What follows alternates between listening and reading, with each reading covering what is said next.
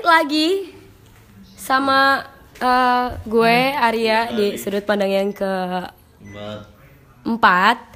Eh, sama kayak sudut pandang yang sebelumnya gue nggak sendiri di sini gue ditemani oleh bos Krung dan bos Wagim yang lagi makan. Hmm, mungkin karena kita udah ngetek dua kali. ngetek dua kali langsung aja ya. Jadi kita tuh pengen bahas soal eh tentang apa yang ada di sekitar kita. Tentang apa yang ada di sekitar kita. Yang pertama adalah kesempatan kesempatan zona nyaman zona nyaman dan makna atas sebuah pekerjaan. dan makna atas sebuah pekerjaan. Oke. Oke. Eh, langsung aja mungkin dari saudara Krung. Ya. Jadi mungkin bisa kita mulai tentang apa ya yang dekat dengan kita sebenarnya? Tentang mungkin lebih tepatnya buat orang-orang yang bentar lagi lulus kuliah kali ya. Jadi kan ketika kita kuliah banyak banget tuh kesempatan-kesempatan opportunity yang datang dalam hidup kita. Tapi kadang ya kita hidup di antara kesempatan dan kesempitan. Dalam artian kita selalu menang sebuah kesempatan itu adalah hal yang harus selalu diambil padahal kenyataannya enggak sih karena banyak juga kesempatan yang justru pada akhirnya membawa pada sebuah kesempitan. Nah kayak gitu. Dan tuh kaitannya mungkin dengan nanti bakal ngomongin makna atas pekerjaan. Dalam artian pekerjaan tuh nggak harus yang formal kantoran ya apa pun yang kalian kerjakan bisa dengan sorry sorry bisa mungkin lagi event atau mungkin kerja part time atau kerja kantoran beneran atau kerja apa pun yang menghasilkan sesuatu hal. Itu kan namanya pekerjaan. Nah kadang itu orang kehilangan makna atas apa yang dia kerjakan. Nggak tahu kenapa aku melihat pekerjaan hadir itu cuman buat sebagai pemenuhan atas kebutuhan materi. Ya anggap aja duit atau mungkin jabatan. Padahal di balik itu semua kita tuh mungkin bisa nggak sih ngelihat pekerjaan dari perspektif yang berbeda? Maksudnya kayak pekerjaan itu adalah sesuatu yang dicintai sesuatu yang dihidupi sesuatu yang punya makna dan memberikan arti dalam kehidupan. Tapi nggak banyak sih aku ngeliat orang-orang kayak gitu dan jatuhnya karena mungkin ya karena orang dibutakan oleh kesempatan itu oleh sebuah terms tuh. Kalau kita pernah ngomongin terms Iya. tentang zona nyaman tapi ngomongin zona nyaman dulu deh mungkin yang paling hits mungkin lagunya 420 sih sebenarnya menginspirasi untuk Iya, ngomongin betul. ini. Mbak Arya sendiri ini kan punya definisi tentang zona nyaman kayaknya. Kalian sempet ngomong apa gitu? Ngomong gimana Mbak Arya tentang zona nyaman? Eh, kalau aku sendiri sih menurut aku yang namanya zona nyaman itu tuh nggak ada gitu. Maksudnya kayak gini ketika ada orang ngomong eh coba deh keluar dari zona nyaman kamu untuk mendapatkan sesuatu. Pasti kalian juga sering dengar gitu kayak coba lu jangan di tempat yang lu senang-senang aja gitu coba aja nggak keluar dari zona itu tapi kalau menurut gue sendiri eh, itu bukan seperti itu gitu tapi lu perlu keluar dari zona nyaman lu untuk memperlebar si zona nyaman itu.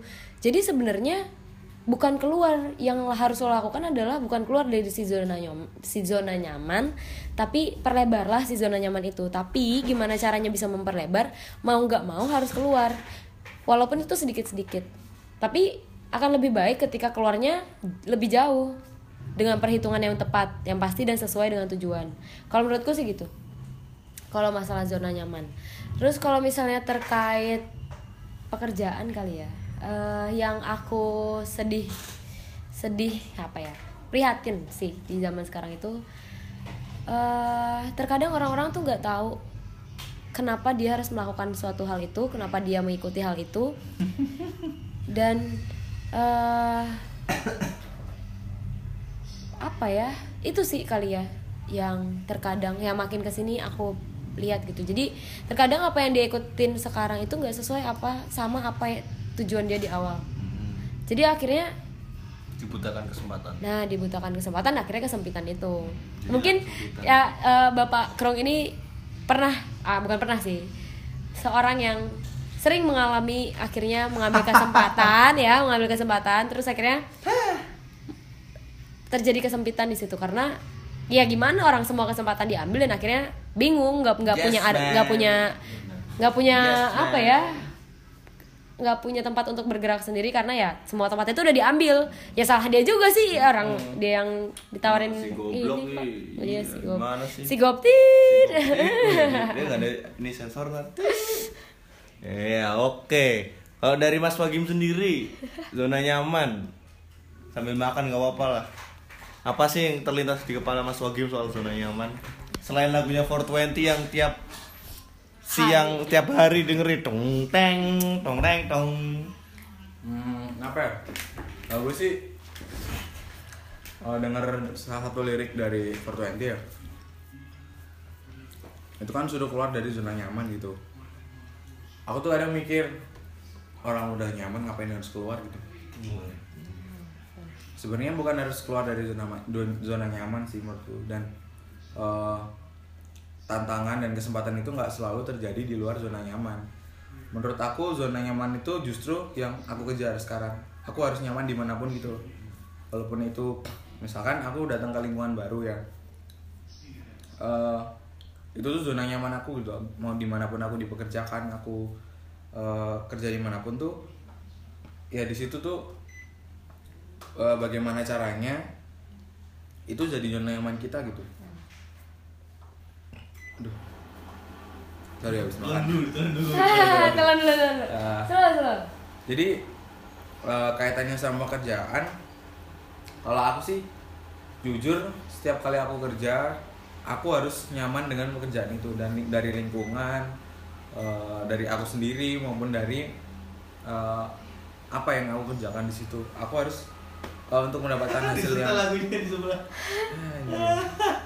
Eh, aku harus nyaman dulu baru aku bisa kerja produktif menurutku gitu sih jadi zona nyaman tuh bukan harus bukan harus ditinggalkan tapi eh, justru menurut aku zona nyaman adalah sesuatu yang harus dikejar gitu loh.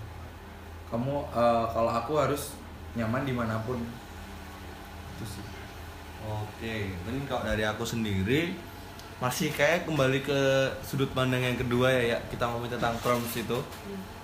Ke eh, sedikit cerita kan pernah diskusi tentang zona nyaman ke beberapa orang. Kayak emang beda-beda sih nangkepnya zona nyaman ada yang negatif, ada yang positif, ada yang abstrak dan absurd kayak aku mungkin. Tapi bagiku sendiri kan masalah masalah terms dan interpretasi aja ya zona nyaman. Kalau bagiku sendiri sih aku sepakat sih dengan eh 420 lagunya tentang keluar dari zona nyaman karena zona nyaman di sini aku eh, aku asumsikan bahwa zona nyaman itu adalah sesuatu yang membuat kamu nyaman, mager di kamar, nggak ngapa-ngapain, Iya, tidak bisa. menghasilkan apa pun istilahnya. Nah, ya oke, ibaratnya kita hidup kan baiknya itu kan kita menghasilkan sesuatu produktif lah kalau kata orang-orang sukses harus produktif. Tapi ya kadang setuju juga sih hidup tuh nggak ya ada saat menurutku bukan apakah kita harus keluar atau ada di dalam zona nyaman atau memperlebar tapi bagaimana kita mengondisikan zona nyaman tersebut dalam hidup kita karena sometimes kita perlu zona nyaman seperti mungkin saat ini aku aku sangat membutuhkan zona nyaman untuk bermalas-malasan sekali. Tapi di kemudian hari aku sadar bahwa aku harus keluar dari zona nyaman ini dan ya kembali lagi untuk produktif. Menurutku zona nyaman itu seperti base base itu butuh terminal untuk ngangkut penumpang. Oke. pesawat butuh bandara untuk landing. Kapal butuh pelabuhan. Manusia pun juga butuh zona nyaman untuk mereka sejenak berhenti itu. Karena ketika manusia itu tidak berhenti dari rutinitasnya dan ngomongin keluar dari zona nyaman memforsir dirinya apa bedanya manusia sama robot menurutku? Cuman kalau manusia itu ada di zona nyaman terus dia nggak berkembang ya apa maknanya hidup untuk kalau tidak untuk dieksplorasi gitu. Jadi ya sama-sama dua term itu mau keluar atau di dalam sama-sama bagus menurutku tergantung sama konteksnya gimana sih tergantung kita menempatkannya. Tapi untuk saat ini aku lebih sepakat dengan keluar dari zona nyaman sih ya karena hidup cuma sekali cari pengalaman sebanyak mungkin ambil resiko sebanyak mungkin karena aku pernah eh, aku lupa sih saya Seperti ini, ini, biasa, lupa. ini ini ini agak agak lucu gitu sih. Eh, mungkin ini eh, apa yang di apa ya apa yang barusan diomongin sama Krung sesuai banget sama apa yang dia lakukan gitu. Dia bilang tadi kalau ya kalau misalnya ada kesempatan ya ambil aja. Kalau misalnya orang hidup cuma sekali, cuman kamu pasti belakangan ini merasakan akibat dari itu semua. Iya, akhirnya jadi sebuah refleksi dan menginisiasi podcast ini kan. Ketika yang lain rapat dan aku hanya nonton aja. Bisa nonton rapat enak kan? Aduh inside apa? Inside Joko inside joke inside, joke, inside joke. Eh, gini sih. Yo eh, ada saat di mana aku keluar dari zona nyaman yaitu mengambil sebuah kesempatan. Dan ada saat di mana aku berada di dalam zona nyaman yaitu tidak mengambil kesempatan tersebut menurutku tinggal penempatan dan konteksnya seperti apa. Karena menurutku sebuah terms itu kembali lagi ya ke sudut pandang dua sebuah terms itu nggak bisa tunggal bener-bener tunggal bagus gitu. Nggak nggak selamanya makan banyak itu bagus dan nggak selamanya makan sedikit itu bagus. Begitu pula ya itu nggak selamanya keluar zona itu bagus dan nggak selamanya di dalam zona itu bagus. Tapi ya untuk saat ini kalau aku melihat konteksnya zaman milenial ya dan lingkungan lebih tepatnya kita lingkungannya UGM ya aku melihat orang-orang UGM ini orang-orang yang waduh tapi mengeneralisir sih. Nggak orang-orang di sekitarku aja. Adalah orang-orang yang oportunis dan oportunis idealis dan mereka selalu melihat sebuah kesempatan itu ada sesuatu yang harus diambil dan dimanfaatkan supaya mendapatkan sebuah keuntungan. Dalam artian benefit itu bisa ilmu pengetahuan, link, materi kalau untung dan apa pun itu yang bisa membuat nilai jual mereka seorang individu itu naik. Tapi pada akhirnya di sebuah event dan di sebuah organisasi, aku banyak menemukan orang yang mengambil kesempatan tuh justru jatuh dalam sebuah kesempitan. Karena itu tadi mereka kehilangan makna. Sebenarnya mereka ngapain sih ngambil kesempatan itu? Ya, jatuhnya kayak gitu sih. Ngapa lagi menyesal? Enggak, enggak. jatuhnya gue ngomong Tapi tapi tapi yo menurutku juga misalnya buat tem- kan banyak juga ak- akhirnya teman-teman yang ya mungkin sedikit cerita orang-orang di sekitarku kan akhirnya juga banyak yang ambil kesempatan itu ya nggak apa-apa itu pilihan masing-masing iya benar benar Tapi kalau aku lebih betul. memilih untuk tidak mengambil kesempatan itu karena setelah aku proyeksikan jat- akan jatuh pada sebuah kesempitan karena di tengah jalan pasti aku akan kehilangan makna ketika sesuatu yang aku kerjakan bukanlah sesuatu yang aku Inginkan. cintai. Karena di mana kamu bekerja di situ hatimu berada dan masalahnya ketika hatiku nggak ada berada di situ berarti aku sedang tidak bekerja. Lalu apa? Ya hanya menjalankan order dan apa beda dengan mesin? Ya kalau ngambil dari liriknya 420 berkarya dengan hati. Kita ini seekor insan bukan seekor sapi. Nah aku nggak mau jal- sapi bukan seekor ya. insan. aku nggak sebenarnya aku pribadi kok kepikiran tentang zona nyaman tuh karena aku nggak pingin mungkin lebih tepatnya untuk teman-teman juga sih. Nggak menurutku kurang gokil kurang kurang keren gitu sih. Kerja tapi nggak pakai hati gitu. Iya, bener, dan itu banyak aku ngeliat di dunia orang dewasa kita masih anak-anak tahu apa sih kita tentang orang dunia dewasa banyak itu bapak-bapak ibu-ibu kerja pulang sore. Ya tapi pada akhirnya dunia itu tidak bisa menyajikan ideal apa, hal yang ideal seperti apa yang di kepala aku. Pada akhirnya kita juga harus memilih. Memilih untuk tetap di zona nyaman. Dengan konsekuensi kita tidak bisa hidup enak di akhir atau kita mau keluar dari zona nyaman untuk mendapatkan enak di akhir. Tapi untuk ada di dalam zona nyaman atau keluar pun juga tidak menjamin hasilnya kan seperti itu. Nah, sebenarnya menurut menurut kalian nih menurut kalian berdua eh tar aku lupa tadi bahasannya zona nyaman terus kesempatan. kesempatan sama makna pekerjaan. Oke. Nah eh, di saat seperti apa gitu menurut kalian? Adalah saat yang tepat untuk men- kalian mengambil satu kesempatan. Gimski mungkin. Eh, apa ya? Eh, ketika kita bener-bener udah yakin sih Eh, kalau apa ya masih ngawang-ngawang maksudnya kita masih menerka-nerka gitu. Misalkan kita dihadapkan pada suatu pekerjaan yang kita bener-bener buta di situ eh menurutku ya yang paling penting tuh kamu harus menemukan alasannya gitu why kamu harus mengambil itu dan ketika kamu udah tahu alasannya terus kamu tahu konsekuensinya apa. Ketika pertimbanganmu udah matang ya kalau ada kesempatan mah sikat aja kalau gitu sih. Oke. Kalau Krung Arya dulu. Ini telak ya telak. Ini leher masih kering. Kalau aku kapan kamu tahu dan harus ngambil kesempatan? Ah, ya aku setuju sih ketika kamu tahu tujuannya apa. Dan menurut aku eh, aku adalah orang yang percaya bahwa orang yang bahagia adalah orang yang tahu dia tujuannya mau apa. Dan selama kesempatan itu menuju ke tujuannya ya udah it's okay. Nggak apa-apa gitu. Tapi eh, nggak jarang gitu. Eh namanya kesempatan kan pasti selalu diiming-imingi sama hal-hal yang menyenangkan gitu ya. Nggak jarang kalau misalnya orang-orang yang udah tahu nih jalannya apa tujuannya mau ke A terus tiba-tiba ada kesempatan yang menggiurkan kayak B gitu misalnya. Terus akhirnya kayak ah ya udahlah it's okay gitu. Ke A tapi lewat B. Cuman kan kayak eh, terkadang sih ya aku percaya gitu setiap perjalanan pasti ada aja gitu pelajaran yang didapetin. Tapi eh, nggak jarang juga orang yang ngambil kesempatan itu malah jadinya nggak efisien. Dia harus muter dulu baru dapat A terus akhirnya pelajaran yang bisa didapat nggak jarang kayak oh oke aku harus aku harus mikir ketika aku mau memutuskan sesuatu kalau aku gitu sih menarik, menarik, menarik. Kalau aku, kapan kita itu ngambil kesempatan?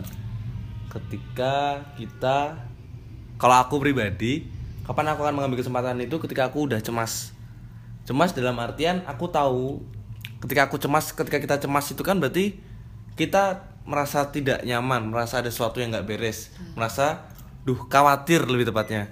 Nah, ketika kita khawatir kan berarti ada suatu permasalahan yang mungkin akan mungkin masih mungkin akan muncul. Nah, kapan sih kita akan mengambil kesempatan ketika kita tuh sudah merasakan kekhawatiran dengan apa yang akan kita ambil. Berarti ketika kita sudah merasa khawatir, kita udah mempelajari kesempatan itu apakah kesempatan itu akan berakhir dengan kesempitan atau memang benar-benar menjadi sebuah kesempatan.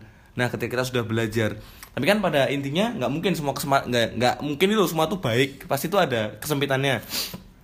Nah, cuman kita harus bisa memproyeksikan kesempitan-kesempitan apa sih yang akan muncul ketika kita mengambil kesempatan tersebut. Nah, aku melihatnya kapan kita mengambil kesempatan ya ketika kita khawatir dan juga yang menurutku paling penting itu jangan eh, makna sih maksudnya kita mengambil kesempatan itu karena kita ya anggap aja kesempatan itu adalah sebuah pekerjaan ditawari posisi kamu jadi ini set oke kapan aku akan mengambil eh, posisi itu ya ketika nggak cuman masalah posisi dan apa yang menguntungkan aku tapi aku juga tahu maknanya tuh apa sih kenapa aku mengerjakan itu. Ya nggak usah muluk-muluk tentang apa yang akan kita dapatkan tapi maknanya dulu aja. Ngapa sih kamu ngambil kesempatan itu? Gitu. Jadi kalau udah punya makna menurutku orang nggak akan hilang di dalam di tengah perjalanan. Mungkin mereka nggak akan hilang ketika banyak masalah yang mulai datang karena dia masih memegang core apa ya, inti dari makna dia melakukan pekerjaan itu tuh apa. Oke. dan makna tuh bisa macam-macam banyak. Iya, beda-beda. Setuju. Eh, tapi ya kalau dari aku sendiri itu sangat idealis sih. Mm-mm, maksudnya idealis kayak kayak tuh. maksudnya kayak nggak mungkin menurut aku ya. Kalau pun kalau pakai teori namanya teori Maslow itu tuh ada hierarki hierarki yang harus dipenuhi dulu sebelum sampai ke arah sana gitu. Nah pasti ada aja orang menurut aku bahkan malah di Indonesia banyak banget yang menganggap dia tuh pengen kayak kebutuhan secara finansial kebutuhan untuk diakui kebutuhan untuk mempunyai power sampai akhirnya dia bisa mikir sampai akhirnya ya dia aktualisasi diri gitu baru bisa mikir kayak oh nggak bisa nih gue ikut suatu sesuatu hal cuman karena gue pengen dikenal. Wah nggak bisa nih gue ikut suatu hal cuman karena ya karena dengan ini gue bisa punya banyak channel dan lain-lain.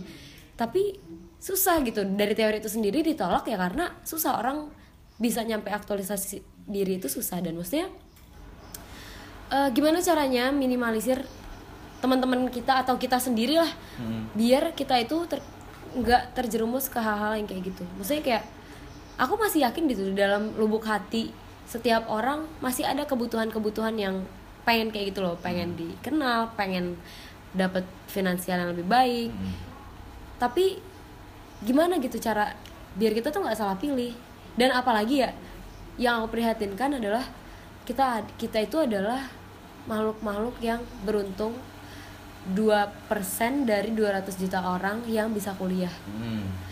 dan harusnya eh, ajang-ajang seperti itu tuh nggak cuman dilakukan hanya untuk memenuhi hasrat-hasrat tertentu.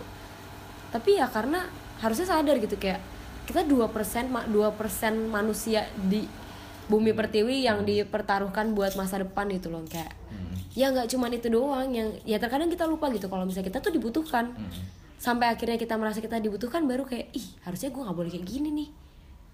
Nah terus kalau menurut kalian sendiri harusnya itu kita kayak gimana? Kayak gimana caranya biar kita sadar gimana caranya biar orang lain sadar? Gimana game aku lagi merenungi apa yang ada di sekitar aku dan pada diriku sendiri. ada si bapak Aduh. kalau itu sih ah mungkin dari seseorang mungkin dari posting nggak posting sih temanku kayak pernah posting suatu suatu quotes dari entah siapa itu ada saat eh kita harus bisa cakap untuk berkata cukup Gimana tuh? Wah, cakap untuk berkata cukup tuh dalam artian ya kuliah 4 tak ya kita ngomongin dunia perkuliahan ya. kuliah 4 tahun. Ada akademik ada non akademik di non akademik kan bisa bermacam-macam ya. Ada sih orang yang dia stuck di ngurusin organisasi terus ada yang ngurusin event terus ada yang lomba terus menurutku Bahkan ada yang nggak pernah mencoba itu semua. Ah, ah, nah, ya ada saat di mana kita harus bercakap cakap bisa untuk berkata oke udah mungkin wah oke udah nih saatnya aku gabut. Nah, oh udah nih aku di organisasi sekarang coba event. Karena baik ya semua ke- kegiatan non akademik itu menurutku sangat mendukung seorang individu untuk eh, mengembangkan bangsa ini loh. Dari organisasi event lomba itu kan? Dia bisa eh, mengembangkan dirinya dengan itu. Nah cuman masalahnya kan kadang mereka tidak bisa bukan tidak bisa tidak cakap untuk berkata cukup. Jatuhnya ada yang mahasiswa event ada yang mahasiswa kuliah eh ada yang mahasiswa ya kayak cuman terfokus pada satu hal.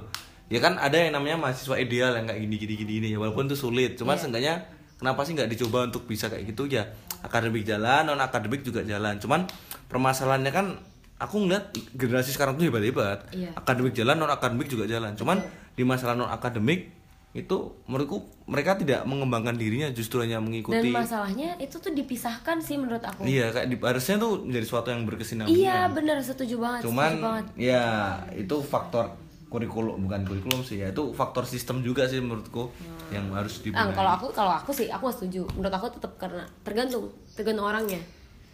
Menurut aku tetap balik lagi tergantung orangnya. Soalnya apa bedanya kita sama orang-orang yang nggak kuliah kalau kita cuman fafifu? Hmm. Walaupun aku tahu ketika kita diasah di kuliah logika kita akan berbeda. Cuman maksudnya eh kayaknya kalau cuma ngandelin logika cuma sekian persen dari apa yang kita pelajari selama berapa belas tahun belajar gitu. Sayang banget ketika kita nggak pakai ilmu yang kita pakai eh ilmu kita yang kita dapat. Kalau aku sih. Tapi dengan dari dengan menggunakan perspektif strukturalis ya. Mereka kan sesuatu itu saling berkait ya.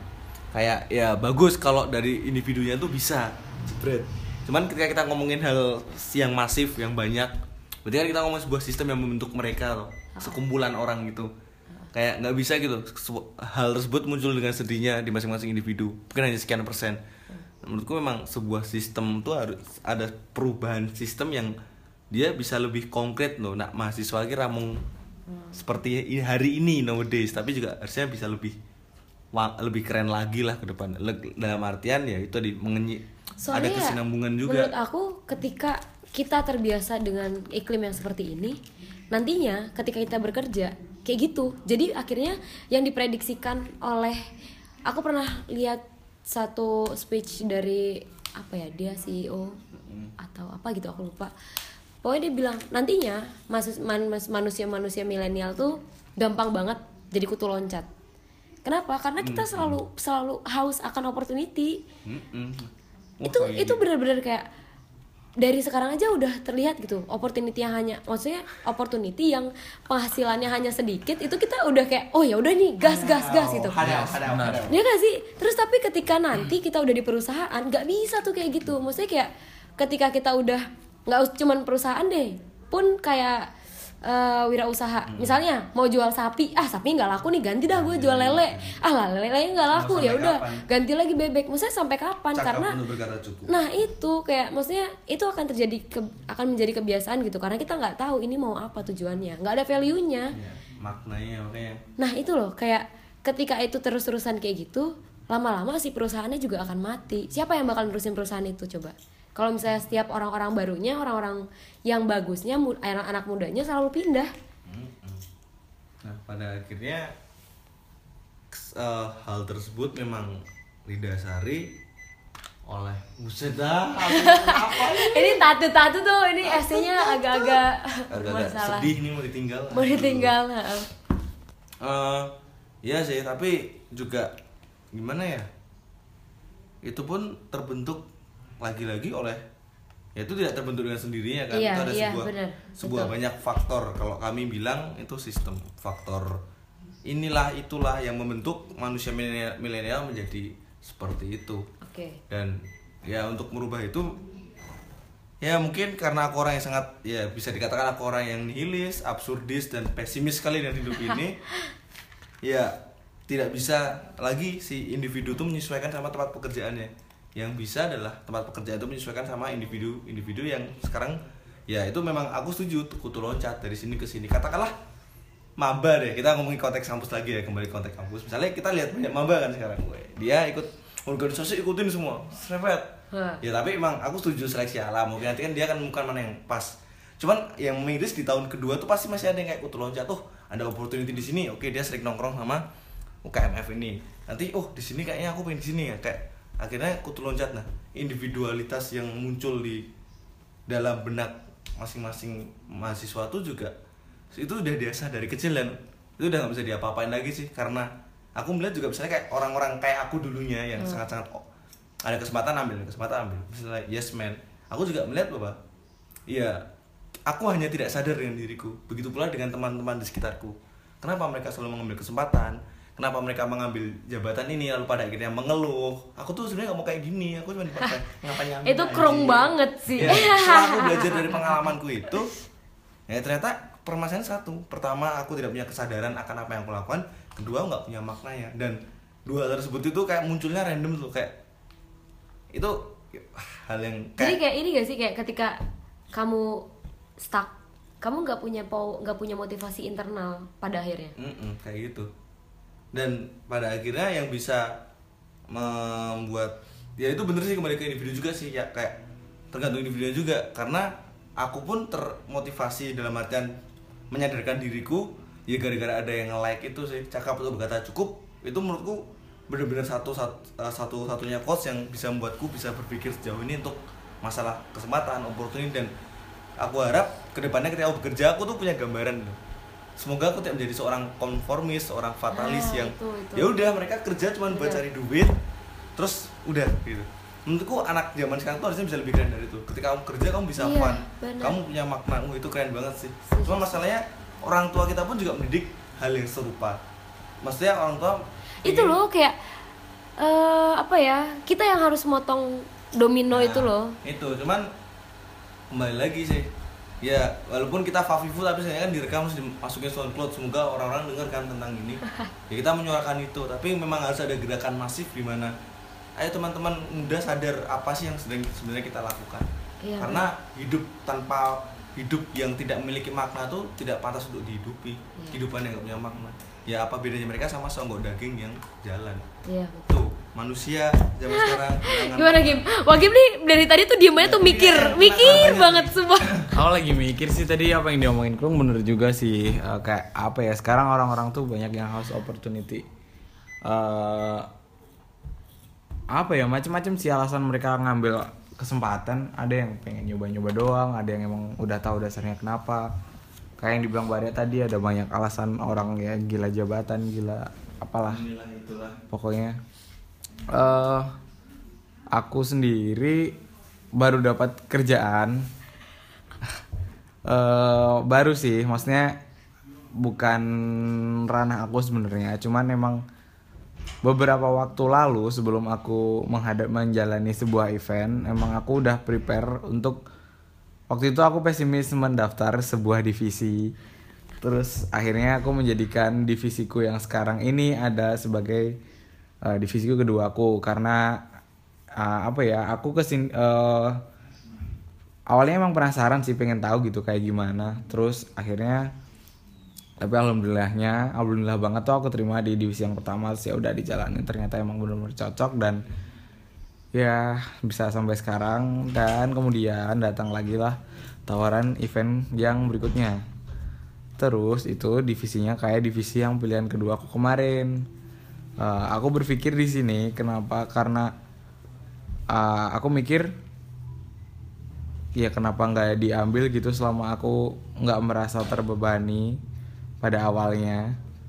Ya udah akhirnya aku mengambil kesempatan ini. Cuman eh, kayak yang dibilang Krung tadi kesempatan berubah menjadi kesempitan tuh eh, apa ya itu yang sebenarnya yang aku waspada maksudnya ya yang aku takutkan gitu loh itu yang harus aku hindari mulai dari sekarang karena emang aku eh, aku pernah punya alasan sih kenapa aku harus ngambil pekerjaan itu. Tapi ada benernya juga eh, mempertimbangkan apa yang disampaikan Krung tadi. Eh, gimana caranya kita biar nggak eh, apa namanya kesempatan kita tuh nggak berubah menjadi sebuah kesempitan. Ya gimana ya? Ngomongin tentang kesempatan kesempitan tuh soalnya kalau kita nggak menjalani itu kita juga nggak bakal ngerti gitu.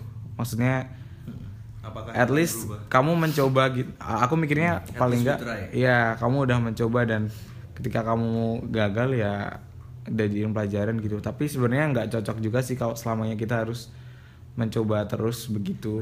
Nah. Soalnya menurut menurut aku pengalaman itu juga nggak harus kita yang ngalamin kita bisa belajar dari pengalaman orang lain. Bagus tuh. Sebenarnya begitu. Bagus tuh kata-katanya. Ya benar berarti dia semua semua tuh ada saatnya. Iya. sebenarnya pesannya dari ini sih mungkin yang pengen aku suarakan tuh adalah ketika teman-teman itu mengambil kesempatan jangan sampai ya ketika teman-teman sudah tahu itu akan menjadi kesempatan minimalisir eh, se- Bisa semaksimal semaksimal mungkin minimalisir lah kesempitan tersebut supaya teman-teman pada akhirnya tidak ah yaudahlah gue nyelesain ini biar kelar udah gue nggak mau pusing-pusing lagi kayak nggak worth it. Ibaratnya orang yang lukis itu cuman buat ya udah biar dia bisa lukisannya selesai terus dijual dapat duit. Enggak dan lagian yang rugi nggak cuma si orang itu doang tapi itu juga tuh orang lain. nah, itu bakal kena orang itu lain. sering kita temuin di sekitar kita. Iya, Ya, tidak bener. harus dari Pernah tuh gue kayak gitu kayak adalah di salah di beberapa event yang lalu atau udah beberapa kali komitnya nggak ada gitu loh kayak pas waktu ini iya pengen banget nih kayak gini kayak gini kayak gini. Terus kayak alah bro bro udah sampai perjalanan nggak kuat kayak nggak bilang lagi. Kalau gue sih lebih apresiasi orang yang kayak eh gue nggak bisa nih kayak gini gue ngerasa tertekan gue lagi ada ini gue lagi itu. Ah, aku lebih apresiat tuh daripada orang yang kayak lebih ke tiba-tiba nggak ada terus tiba-tiba yang kayak seenggaknya kan kalau bilang tuh tahu alasannya. tahu alasannya apa dan at least kita tahu punya plan B gitu. Kalau misalnya ini nggak bisa oke kita pakai yang lain. Tapi kalau misalnya nggak bilang apa-apa kayak dan kalau misalnya di dunia kerja menurut aku aku sih nggak tahu ya tiba-tiba orientasiku tuh udah kerja aja. Jadi kayak udah nggak bisa sih kayak gitu-gitu tuh nggak bisa seenak jidat kita kayak bener-bener harus mikirin panjang-panjang gitu. Kalau mau ngambil apa apalagi kalau nge- ngedouble. Karena harus dipikirkan bahwa ketika kita ngambil kesempatan ada orang-orang yang akan kita rugikan Iya. dan kalau aku ya aku paling takut yang namanya ngecewain orang daripada aku nggak maksimal aku mending nggak usah sama sekali all in or nothing iya Iya sih. Dan mungkin juga kesem eh, kita ngomongin kesempatan kesempitan itu nggak selamanya buat diri kita sendiri. Karena yang namanya kesempatan kan ah, hadir, ada. Kesempatan itu kan nggak juga bukan sesuatu yang berdiri sendiri tapi itu dibentuk oleh orang-orang sekitar iya kalian. Nah, ketika berubah menjadi sebuah kesempitan pun orang lain juga akan kena impactnya. Maksudnya mungkin dari sekarang wow menjadi orang yang oportunis tuh baik sekali. Orang yang punya mimpi cita-cita gila jabatan tuh bagus banget. Cuman jangan sampai itu berubah jadi bumerang. Intinya tuh kayak Iya, gitu aja sih. bener. sadar. Sadar bro. Bangun bangun. Soalnya terkadang kalau udah di atas tuh ah, anginnya makin kenceng. Iya. Terus kayak makin gak kerasa kan makin sepoi-sepoi ya. Kayak eh udah enak-enak aja nih makin adem. Itu atau ambruk. nah tato ambruk. Nah kayak gitu. Itu. Kadang ya orang-orang manusia tuh butuh refleksi. Walaupun refleksi itu hal yang enggak dan tetap sih kalau aku sangat percaya kalian harus tetap bersama orang-orang yang membuat diri kalian lebih baik. Iya benar. kalau misalnya kalian udah ketiup angin kencang tapi akarnya nggak kuat ya udah tumbang beneran. Kalau masih ada orang-orang yang masih mau ngingetin kan kayak ya at least nggak apa-apa lah tumbangnya dulu apa terbang-terbangannya dulu di atas. Tapi masih ada yang megangin gitu. Kalau misalnya udah lepas kayak Ya udah, ah bubar. udah bubar. Ini kembali ke podcast kema- eh, kemarin nomor tiga. Eh apa? Seri ketiga eh, Nah. seri apa? Sesi tiga. Sesi tiga sesi tiga. Cinta. Lu iya ben- bener itu. Jadi ada keterkaitannya tetap podcast tetap podcastnya. Uh, satu lagi sih yang perlu perlu teman-teman ketahuin kalau uh, kesempatan kesempitan yaitu opportunity itu erat kaitannya sama kapasitas teman-teman gitu Iya bener Wah, banget. ini nggak- kita nggak bahas- Setuju, iya, aku setuju. nggak bahas ini tadi malah. Setuju, setuju banget. ke apa ya sebenarnya menurutku pertimbangan yang paling mendasar yang paling teman-teman harus ketahui itu kapasitas teman-teman tuh kayak gimana teman-teman mampu sejauh apa buat ngambil kesempatan itu gitu kalau misalkan teman-teman eh, kan yang paling tahu kapasitas kapasitas teman-teman tuh ya teman-teman sendiri ya jadi eh, kalau teman-teman yakin teman-teman bisa ya udah. Gas aja. Gas aja.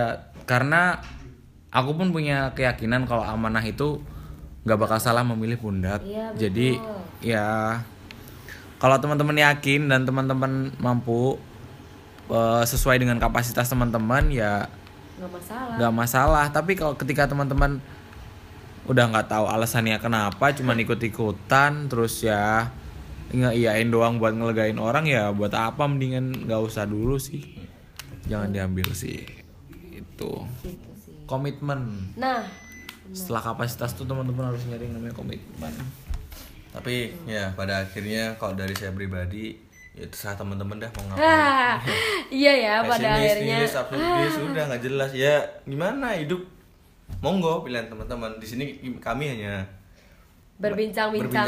Semoga saja. bukan berbincang-bincang kosong. Iya, semoga ya ada maknanya. Ada maknanya sih kita niat nih. maknanya sih. Ya, tapi kembali lagi sih ke teman-teman eh, kan baik atau buruknya terms terms itu tergantung teman-teman bagaimana mengalimatkannya kalau teman-teman memang suka menjadi orang yang oportunis mengambil semua kesempatan belajar dari setiap pengalaman ya itu juga bagus gak ada salahnya cuman ada ada perspektif lain loh kayak gitu sih ya kalau yang aku sadari ya mungkin bukannya gimana tapi ketika merasakan dua hal yang berseberangan tuh kayak bener-bener pada akhirnya tahu sih mana sih kayak yang lebih suitable kayak aku pada akhirnya nggak nyangka sih apa yang selama ini menjadi kontra aku selama ini menjadi antagonisku tuh ada sesuatu ternyata wah anjir Alter ego.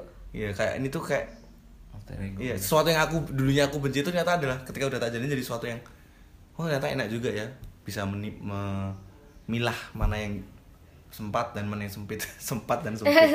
Kayak gitu. Jadi tapi pada akhirnya kembali lagi teman-teman. Kalau mau di dalam zona nyaman terus boleh. Nggak apa-apa. Mau keluar dari zona nyaman juga boleh. Terserah dah. Eh, ngomongin soal kerja ya aku nambahin lagi. Tem- tadi kan aku udah bilang ya aku dari fakultas peternakan Eh, apa ya nggak bukannya nakut nakutin kalau misalnya ada adik ada yang dengar tapi emang fakultas aku itu fakultas yang benar-benar sibuk dengan apa ya kegiatan praktikum sama laporan dan eh ya siapa yang mau nyaman di di zona kayak gitu ya. Maksudnya ya mau nggak mau aku jadi terbiasa gitu. Aku terbiasa untuk beradaptasi sama lingkungan yang membuat aku tidak nyaman.